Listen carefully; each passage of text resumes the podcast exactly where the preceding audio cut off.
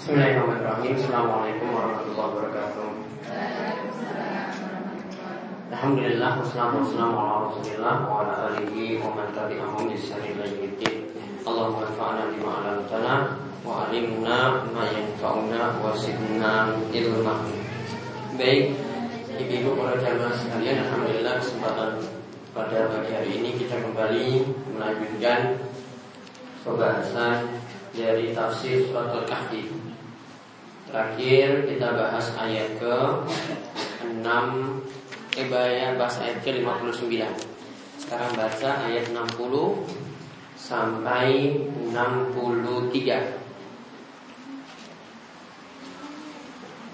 60 sampai 63 Saya sarankan second tahun. A'udhu Alhamdulillah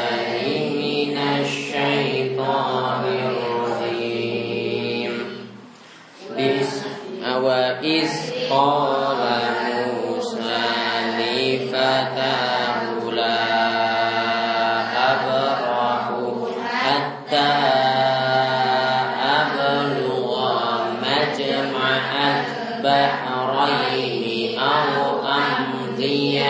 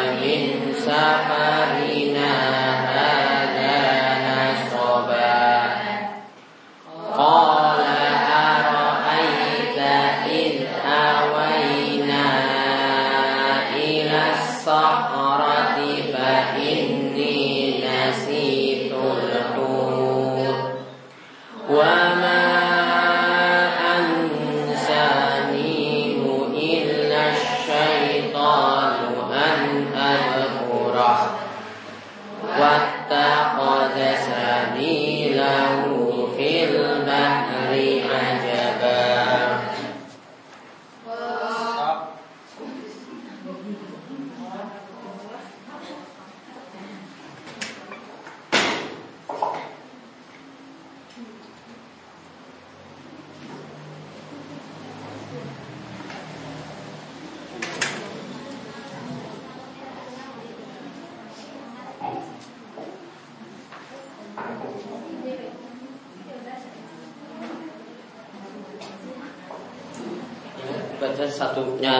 93 artinya belum ya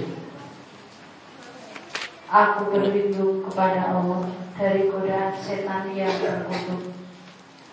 Dan ingatlah ketika Musa berkata kepada pembantunya, Aku tidak akan berhenti berjalan sebelum sampai ke pertemuan dua laut, atau aku akan berjalan terus sampai bertahun-tahun.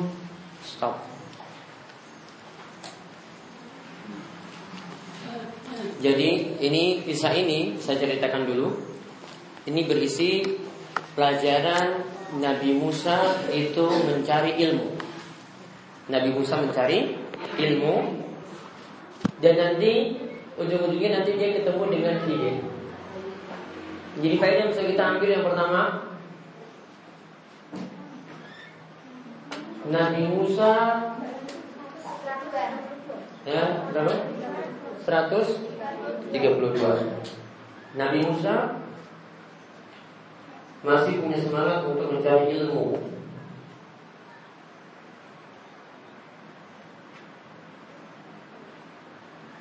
Padahal beliau adalah seorang nabi yang mulia. Nabi Musa masih punya semangat mencari ilmu. Padahal dia adalah seorang nabi yang mulia. Nah kita lihat ini dikatakan dan ingatlah ketika Musa berkata kepada pembantunya pembantu Musa ini namanya Yusa bin Nun. Yusa bin Nun. Bapaknya namanya Nun. Anaknya namanya Yusa. Yusa ini berarti sudah ada dari dulu ini Yusa ya. ya. Yusa bin Nun. Nah, ketika Musa berkata pada pembantunya tadi, aku tidak akan berhenti berjalan sebelum sampai pertemuan dua laut, yaitu Laut Merah dan Laut Putih. Kemudian aku akan berjalan terus sampai bertahun-tahun. Berarti Nabi Musa punya apa di sini? Punya pembantu. Berarti faedah 133 boleh seseorang memiliki pembantu.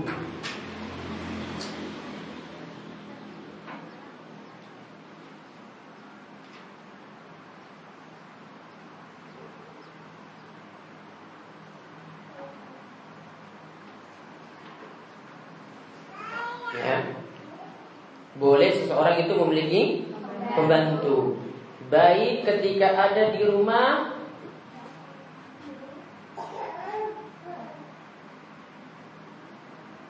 Atau menemani ketika safar Baik ketika berada di rumah Atau menemani ketika safar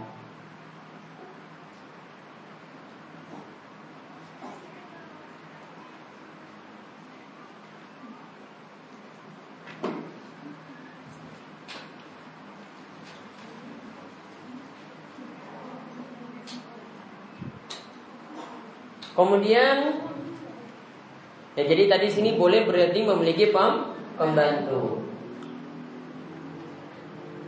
Ya. Kemudian saya cerita dulu. Ini ketika perjalanan ini mereka menempuh perjalanan. Musa dan pembantunya ini menempuh perjalanan yang jauh. Dan itu ketika itu diberitahu tempat tujuannya itu di mana. Tadi apa tempat tujuannya di sini sampai ke pertemuan dua laut atau Pokoknya sudah berlewat waktu yang lama, bertahun-tahun. Pokoknya perjalanannya itu berhenti sampai nanti kita bertemu dengan dua lautan. Ada dua lautan yang bertemu ketika itu Atau kita sudah jalan waktu yang sangat lama sekali Nah itu baru kita berhenti Maka faedah yang ke-134 Seorang yang bersafar Seorang yang bersafar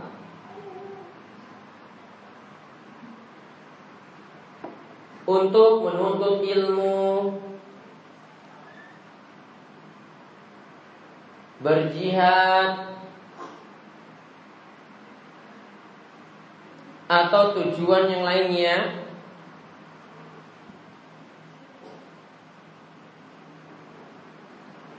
Boleh memberitahukan.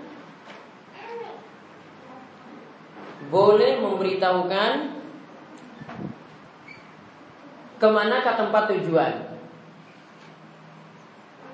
Boleh memberitahukan boleh memberitahukan ke mana tempat tujuan.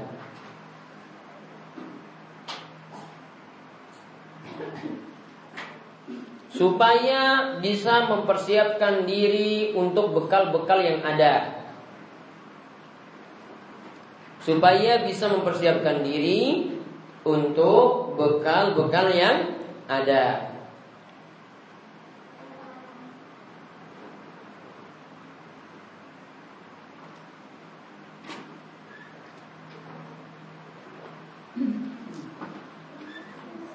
Karena di sini diberitahukan oleh Musa bahwasanya nanti kita sampai ke dua lautan, nah itu tempat tujuannya.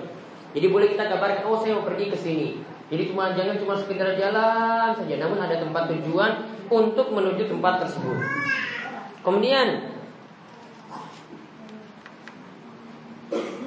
Faedah yang berikutnya lagi? Lihat tadi kembali ke Musa mencari ilmu. Padahal kita itu punya tugas ada untuk belajar. Kemudian kita punya tugas juga untuk mengajarkan orang lain. Juga untuk nambah ilmu. Maka para ulama ini katakan faedah ke 135 Menambah ilmu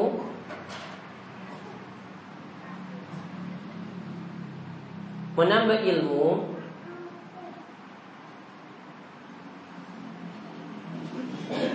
dan mengajarkan orang lain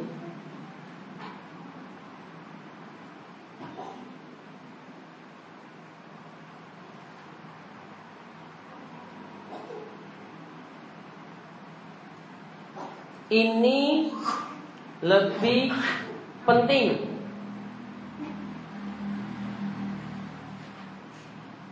Ya, jadi kita belajar nambah ilmu lalu mengajarkan orang lain ini lebih penting daripada daripada sibuk belajar Ya, daripada sibuk belajar namun ilmunya tidak bertambah. Daripada sibuk belajar namun ilmunya tidak bertambah.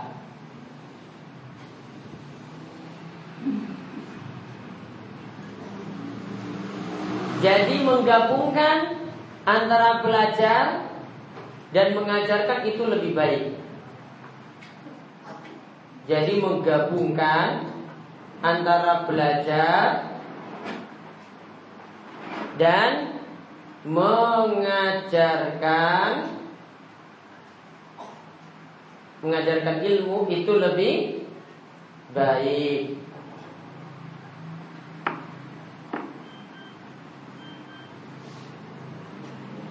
Ya, jadi gabungkan dua tadi. Jangan cuma sekedar belajar saja tidak diajarkan. Jangan atau cuma mengajarkan orang saja namun tidak pernah belajar. Yang paling bagus itu belajar nambah ilmu kemudian mengajarkan orang lain. Mulai mengajarkan anak, mulai mengajarkan suami, mulai mengajarkan orang-orang dekat. Itu lebih baik daripada kita cuma terus belajar. Ya, kalau cuma terus belajar saja, ilmu tadi cuma mandek saja di situ. Ya, namun kalau orang itu belajar terus ngajarkan lagi maka dia tahu nanti oh maksud pelajaran ini seperti ini. Oh dua ini diajarkan lagi oh jadi tambah hafal. Hafalannya dia ngajarkan lagi orang lain lagi ya. Jadi hafalannya makin kuat. Beda kalau cuma sekedar hafal saja tidak diajarkan. Maka sebisa mungkin gabungkan antara belajar dan mengajar. Itu pentingnya di situ. Namun yang lebih penting sini belajar memang. Namun kalau ada kesempatan untuk mengajarkan ilmu, tetap kita mengajarkan. Maka Nabi Musa sebagai seorang dai, dia juga belajar. Jadi gabungkan dua hal. Nabi Musa itu mendakwahkan ilmunya juga, namun dia juga butuh belajar tambah ilmu terus, tambah ilmu terus seperti itu. Terus ayat yang ke-62. Eh maaf 61. Falamma balagha majma'a bainihima nasiya hutahuma fattaqada sabilahu fil bahri saraba. Ya belum nih? Maka ketika mereka sampai ke pertemuan dua laut itu, mereka lupa ikannya. Lalu ikan itu melompat mengambil jalannya ke laut itu. Nah, baik. Kita kembali dulu ke pembahasan safar tadi. Tadi disebutkan mereka melakukan perjalanan. Nah sekarang saya jelaskan sedikit tentang safar. Safar Ini faedah yang ke 130 Nah Safar adalah melakukan perjalanan jauh. Safar adalah melakukan perjalanan jauh.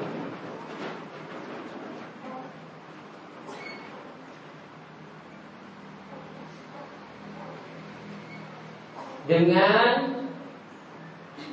menuju pada suatu tempat dengan menuju pada suatu tempat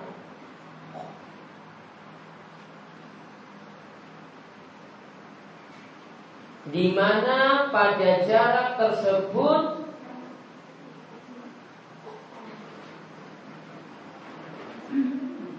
di mana pada jarak tersebut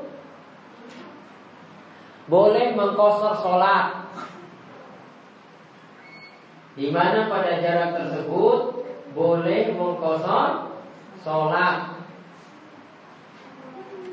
jadi nanti ada tempat tujuan sama seperti Musa tadi jalan menuju apa pertemuan dua lautan lalu berarti ada tempat tujuan ada jarak yang ditempuh Berarti juga di situ nanti boleh kita mengkosor sholat. Jadi ada tiga istilah yang saya tambahkan lagi di sini. Ini lanjutannya di bawahnya. Jarak yang dibolehkan kita mengkosor sholat Jarak yang dibolehkan kita mengkosor sholat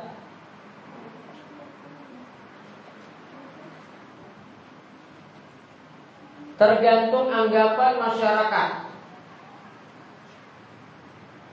Tergantung anggapan masyarakat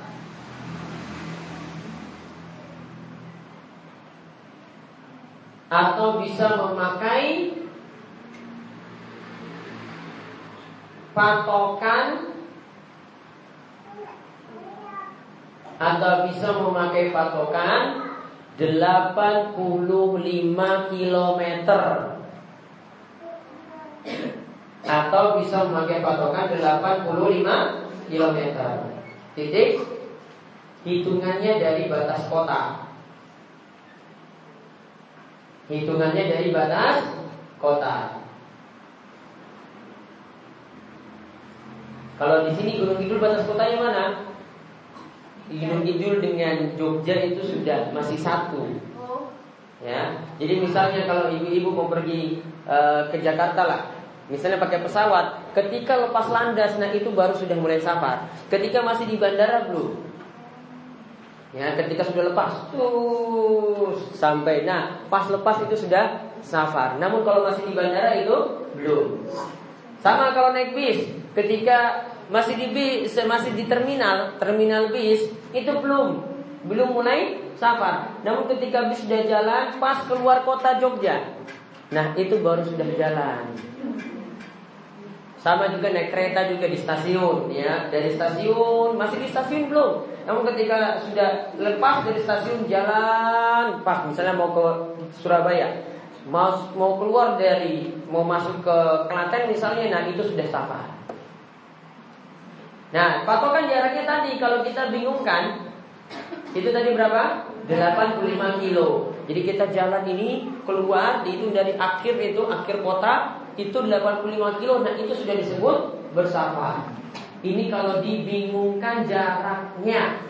Ini ingat ya, kendaraannya terserah pakai pesawat, mau pakai helikopter, mau pakai pesawat tempur, mau pakai kapal, mau pakai kereta, mau pakai bis, mobil pribadi, motor, semuanya. Kalau sudah disebut safar, kita boleh nantinya mengambil keringanan-keringanan. Lalu itu saya sebut kosor, sholat. Ada istilah apa itu? Kosor, sholat. Sekarang tulis kosor sholat adalah masih lanjutannya yang di situ ya di bawahnya. Kosor sholat adalah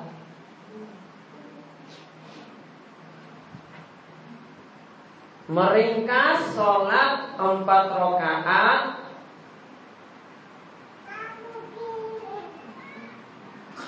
meringkas sholat empat rakaat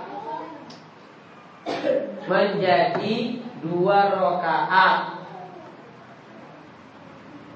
Meringkas sholat empat rakaat menjadi dua rakaat. Berarti sholat apa saja?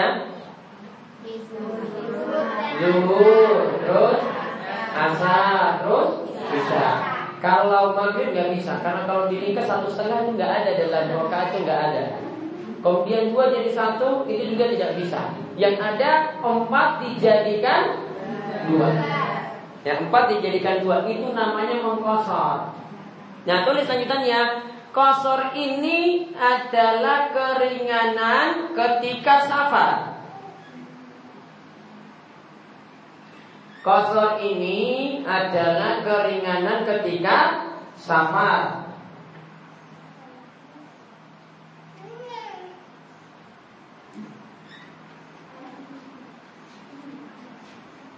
Dan kosor itu lebih utama daripada Dan kosor itu lebih utama Daripada mengerjakan empat rakaat Saat safar.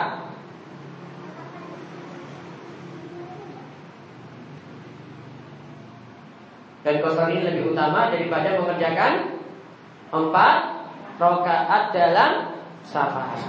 Jadi ini lebih utama. Artinya, misalnya ibu-ibu tadi safar nih, biasanya ke mana ibu-ibu? Hah? Safar ke mana biasanya?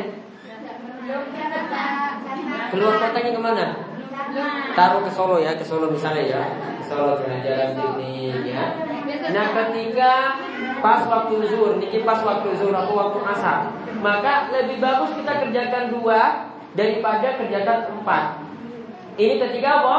Sahar. Namun kalau ibu-ibu saat mukim seperti ini tetap kerjakan empat. Nggak boleh alasan wah dua bagi saya capek, ya orang rokaat wae nggak bisa.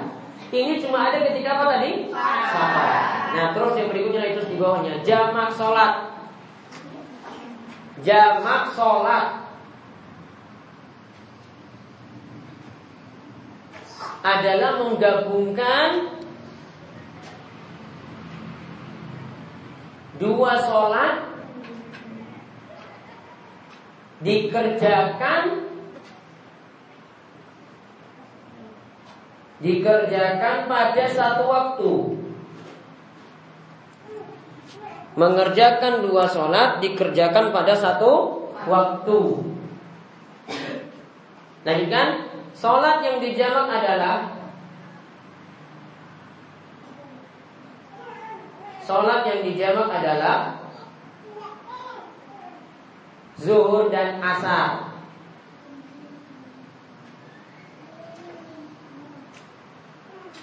Lalu Maghrib dan Isya.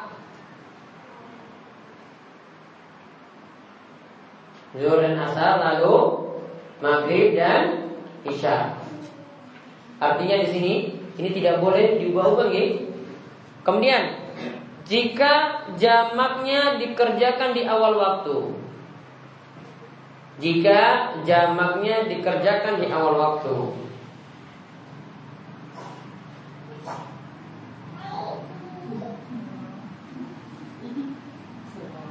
Jika jamaknya dikerjakan di awal waktu Maka disebut jamak takdim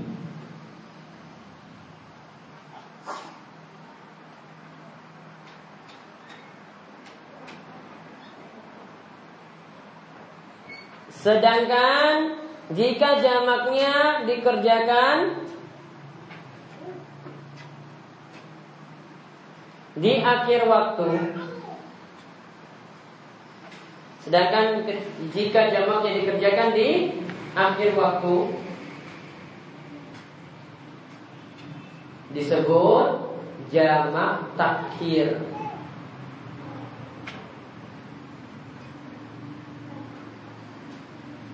Disebut apa? Jamak takhir. Titik. Jamak dilakukan Jamak dilakukan ketika sulit Jamak dilakukan ketika sulit mengerjakan sholat di masing-masing waktu.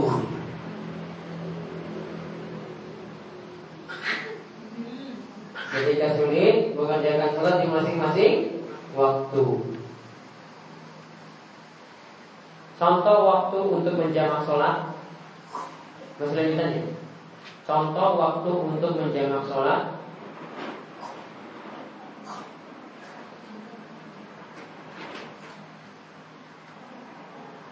Ketika safar, koma Ketika turun hujan.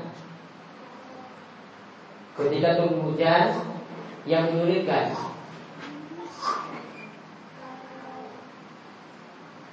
Koma Ketika sakit. Koma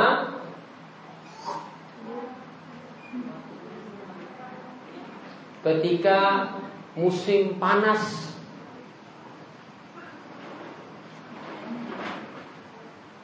dan sholat maghrib dikerjakan di tengah malam.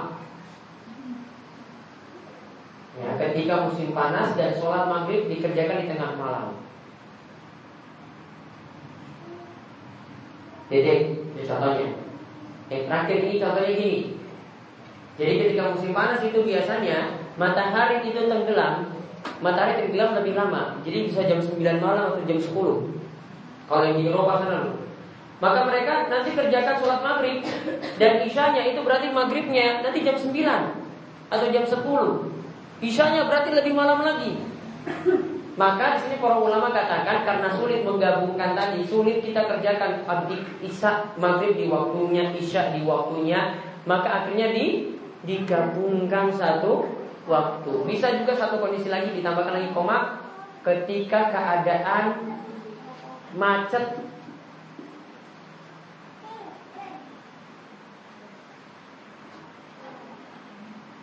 Ya, ketika keadaan macet.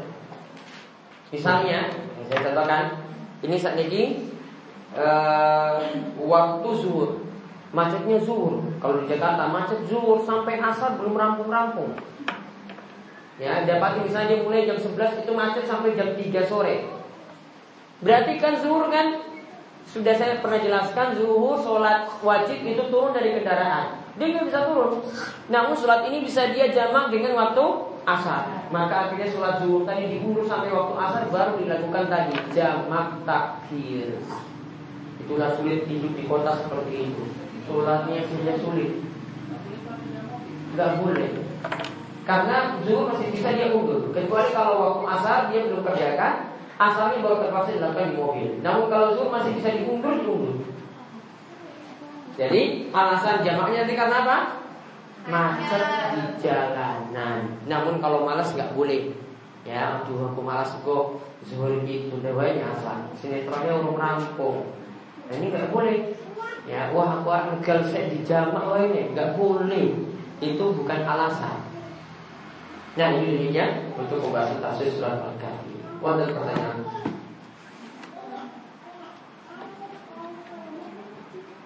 Baru satu ayat. Ayat seperti begitu. Duanya saya belum bahas, nanti duanya besok. 61 besok. Ada? Tadi baru 60, 61 baru saya baca artinya, belum saya tafsirnya belum. Iya. 61 belum. Baru satu ayat. Ada pertanyaan?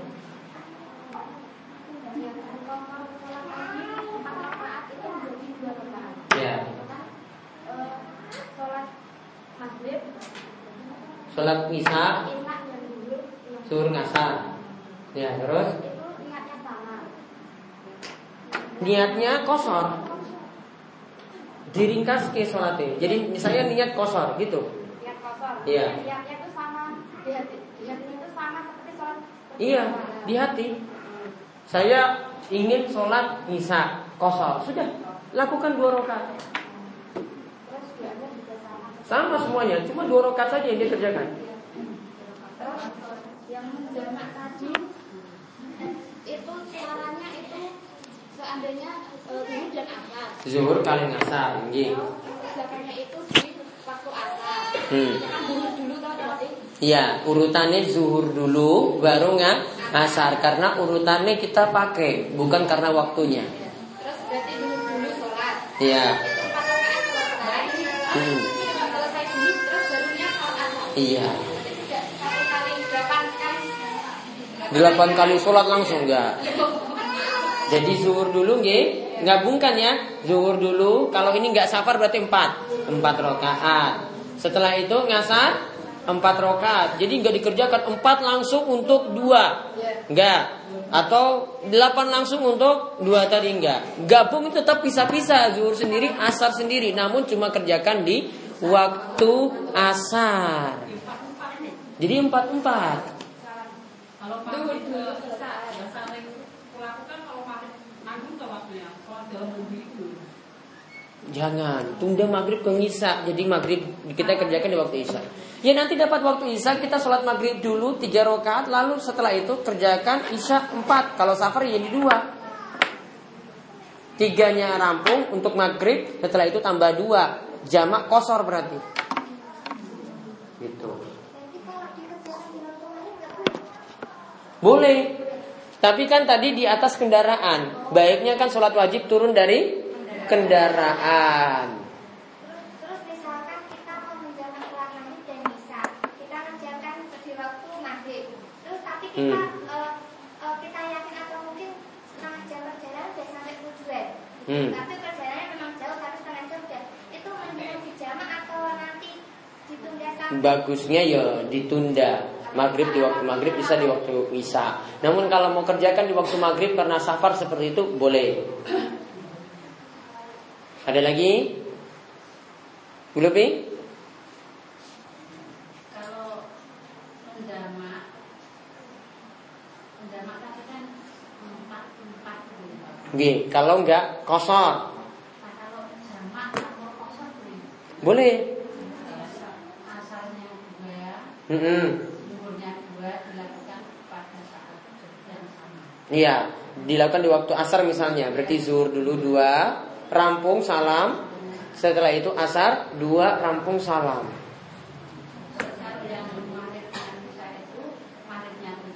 Hmm. Iya. Maghrib dulu niatnya, rampung salam, baru isya dua, rampung sa salam. Boleh jamak dan kosor. Namun kalau sulit mengerjakan dua sholat tadi di masing-masing waktu. Walaupun isanya masih panjang. Boleh, boleh. Boleh digabungkan. Ada lagi?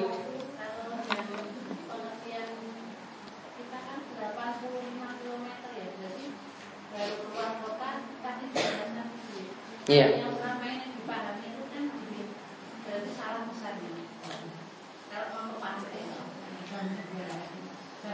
Pantai ini pun di Pantai Gesing. Biasanya yang saya lakukan daripada di sana asar, itu saya asar di rumah. Jadi juga tapi belum tahu. Berarti di jamak? Iya. Ber yang dulu. Asarnya di rumah. Asar di rumah juga. Tapi ke Gesing. Hanya ke Gesing sama mau pilih orang di rumah sakit Jangan. Nah, kerjakan di masing-masing waktu. Nah, kecuali tadi, misalnya Ibu Lupi mau pergi ke Jakarta, ya. Kalau uh, misalnya taruhlah yang dekat lah, taruhlah yang ini masih yang tidak mungkin kita asar di sana, ya. Misalnya kita jalan, ini jalannya 4 jam ke Madiun, ya ke Madiun. Kalau saya naik bis, ya sampai ke Madiun itu waktu asar habis. Ya, sampai ke Madinah itu waktu asar ha? habis. Sekarang ini waktu zuhur. Maka Bulupi nanti ketika waktu zuhur tadi gabung majukan asarnya ke waktu zuhur. Baru pergi ketika itu. Karena ketika itu safar. Walaupun itu belum kita jalan, ya, namun kita boleh jamak. Namun karena belum jalan, jamaknya tanpa kosor. Karena tadi saya bilang kosor kapan?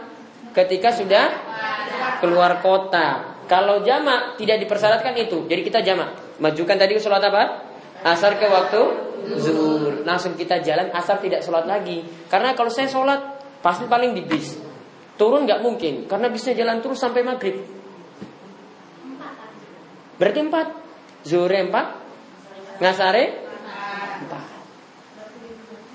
Karena dia belum bertolak dari kota tadi, baru di terminal. Kecuali kalau di tengah jalan, oh ada mampir di pom bensin sini, saya sholat zuhur belum, asar juga saya majukan lah. Dua-dua nggak masalah, karena sudah safar. Namun kalau baru di Jogja, baru di terminal itu belum. Kalau sudah bertolak dulu, begitu. Itu baru mungkin, ya menjamak seperti itu. Ya. Kalau hujannya itu para ulama katakan gini, ini biasanya uh, hujannya itu hujan deras. Jadi kalau kita keluar ini tanpa pakai payung, standar hujannya, standar hujannya. Kalau kita keluar pakai tanpa pakai payung, bas, baju sudah basah kuyup. Jadi kalau keluar, wah ini baju ini nggak pantas lagi dipakai. Nah hujan yang besar seperti ini, ini standar hujannya. Hujan yang seperti ini berarti kita boleh menjamak. Contoh, pas masuk masjid maghrib, Ya, ini ini ini dengan syarat ya, syaratnya dilakukan di masjid. Kalau di rumah ngapain di rumah juga nggak kena hujan ya kan? jadi ketika di masjid ya, ini biasa jam bapak-bapak masuk. Pas salam hujan deras, nggak bisa pulang. Nah sudah sholat misa kita majukan. Walaupun nanti ketika waktu isya nanti hujannya sudah berhenti, itu keuntungannya. Syaratnya di masjid dengan imam yang di masjid, nggak boleh sendiri-sendiri lagi. Imamnya yang pimpin. Gitu. Jadi jangan wah hujan ini apa iso jamak ya orang. Ya, syaratnya itu di di masjid. Jadi tadi kayak tadi ya, masuk masjid maghrib. Maghrib hujan deras. Mau pulang, waduh sayang nanggung. Sudah, imamnya bilang sudah kita jamak. Biar isak nanti kita majukan. Nah, ketika itu kerjakan maghrib tiga rakaat, isanya empat karena nggak safar nggih Empat. Maka isya kita kerjakan empat. Maju. Jamak takdim. Maghrib. Hmm. Hmm. Kita majukan isya. Iya. Pas mulai sholat Isya hujan berhenti. Kalau sholatnya sudah dimulai, berhentinya hujan tadi tidak batalkan sholat isya.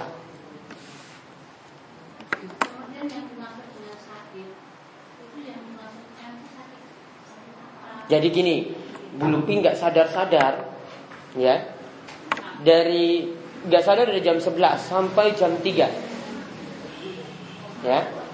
Nggak sadar dari jam 11 sampai jam 3 mau kerjakan di waktu zuhur nggak bisa ini nggak sadar Jam 3 bangun. Karena sakit tadi Atau dibius. Maka saat itu zuhurnya belum dikerjakan kan? Maka zuhur diundur ke waktu ngasar. Gitu. Atau misalnya kondisi Kondisi kita Biasanya nggak sadar-sadar. Pas sadarnya zuhur. Kalau saya nggak bawa sholat asar ke waktu zuhur Nanti saya tidur lagi Kebablasan sampai maghrib. Dimajukanlah sholat zuhur tadi dengan asar dimajukan di situ. Kerjakan zuhur berapa rakaat berarti? Empat. Asar empat karena nggak bersafar jadi tidak ada kosor.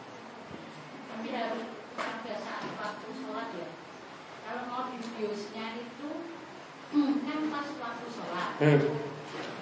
Boleh nggak misalnya minta sholat dulu sebelum dibius? Kalau sholatnya sudah waktu masuk boleh. Belum, Belum masuk waktunya? Nggak boleh. Misalnya jadi lagi jam sekarang jam 11 ya. Zuhurnya belum kan? Gak boleh, mau saya sholat dulu, gak bisa. Makanya sholatnya diundur. Nah seandainya misalnya Bulupi nggak sadar dari jam 11 sampai maghrib ini ya, misalnya 11 sampai maghrib. Berarti zuhur sama asar akhirnya terpaksa diundur sampai waktu maghrib. Ya sudah dikerjakan di waktu itu. Karena zuhur belum masuk. Iya. Zuhur masuk isya. Yang ada atau gugur itu ketika sadarnya itu tiga hari nggak sadar-sadar. Itu keadaannya seperti orang gila. Orang gila terlepas, terangkat pena darinya. Jadi dia tidak ada kewajiban sholat apa-apa. Namun kalau misalnya satu hari penuh dia nggak sadar, seluruh sholat yang ada dia jamak satu waktu. Hmm. Jadi misalnya jam 11 ini belum sadar, eh, mulai koma sampai jam 11 besok. Maka lima sholat dia kerjakan nanti ketika sadar. Seperti itu. Kecuali tiga hari tadi ya. Kalau tiga hari ini sudah lebih. Karena mau dia rapel lima kali tiga lima belas sholat berat. Maka jadi gugur semua sholat. Kalau dia tidak sadar sampai tiga hari atau lebih.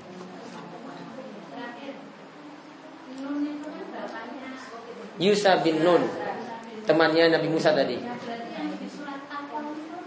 Ah itu Nun yang beda itu nun yang huruf mukotoah. Ini nama orang. Jadi ada nama orang yang namanya nun.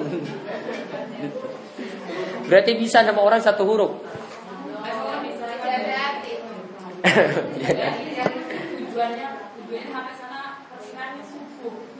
Skok ini? Hmm. Berarti maghrib bisa bisa turun dari kendaraan nggak? Bisnya bablas terus, nggak mandek-mandek. Nggak ada waktu waktu mampir pom bensin juga nggak ada. Kalau masih mampir, sholat di ketika mampir tadi. Namun kalau tidak, sholatnya terpaksa di atas kendaraan. Hmm. Ya, ini kemauan? Ada lagi?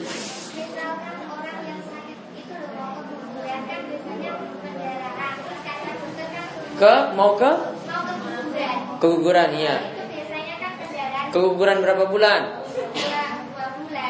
Dua bulan. Iya, soalnya beda nanti hukumnya.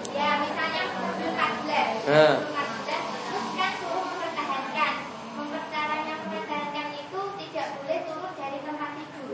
Ya. Bagaimana caranya kita sholat atau kita tetap sholat mau gugur yang biarin atau gimana Tetap sholat. Tetap sholatnya di tempat tidur. Iya. Oh, kan gak bisa turun-turun kan? Jadi di tempat tidur kalau mampu duduk duduk. Kalau enggak ya berbaring, terlentang. Kalau masih mampu gunakan air, gunakan air. Boleh. Kalau mampu gunakan air, wajib gunakan air. Syarat. Enggak. Enggak. Apa mau jadi gila gitu biar gak punya dosa? Namun nanti di akhirat dia punya hukuman tersendiri. Nanti dia akan diuji. Ya, dia ini termasuk beriman atau tidak? Masih diuji lagi. Jadi dia tidak bisa kita putuskan dia masuk neraka, masuk surga tidak. Masih ada ujian lagi untuk dirinya. Wong bagaimana masuk surga, masuk neraka? Wong dia gak pernah diuji di dunia. Ya demikian. Kita lanjutkan bahasa Arab sedikit. 10 menit. Bahasa Arab, bahasa Arab.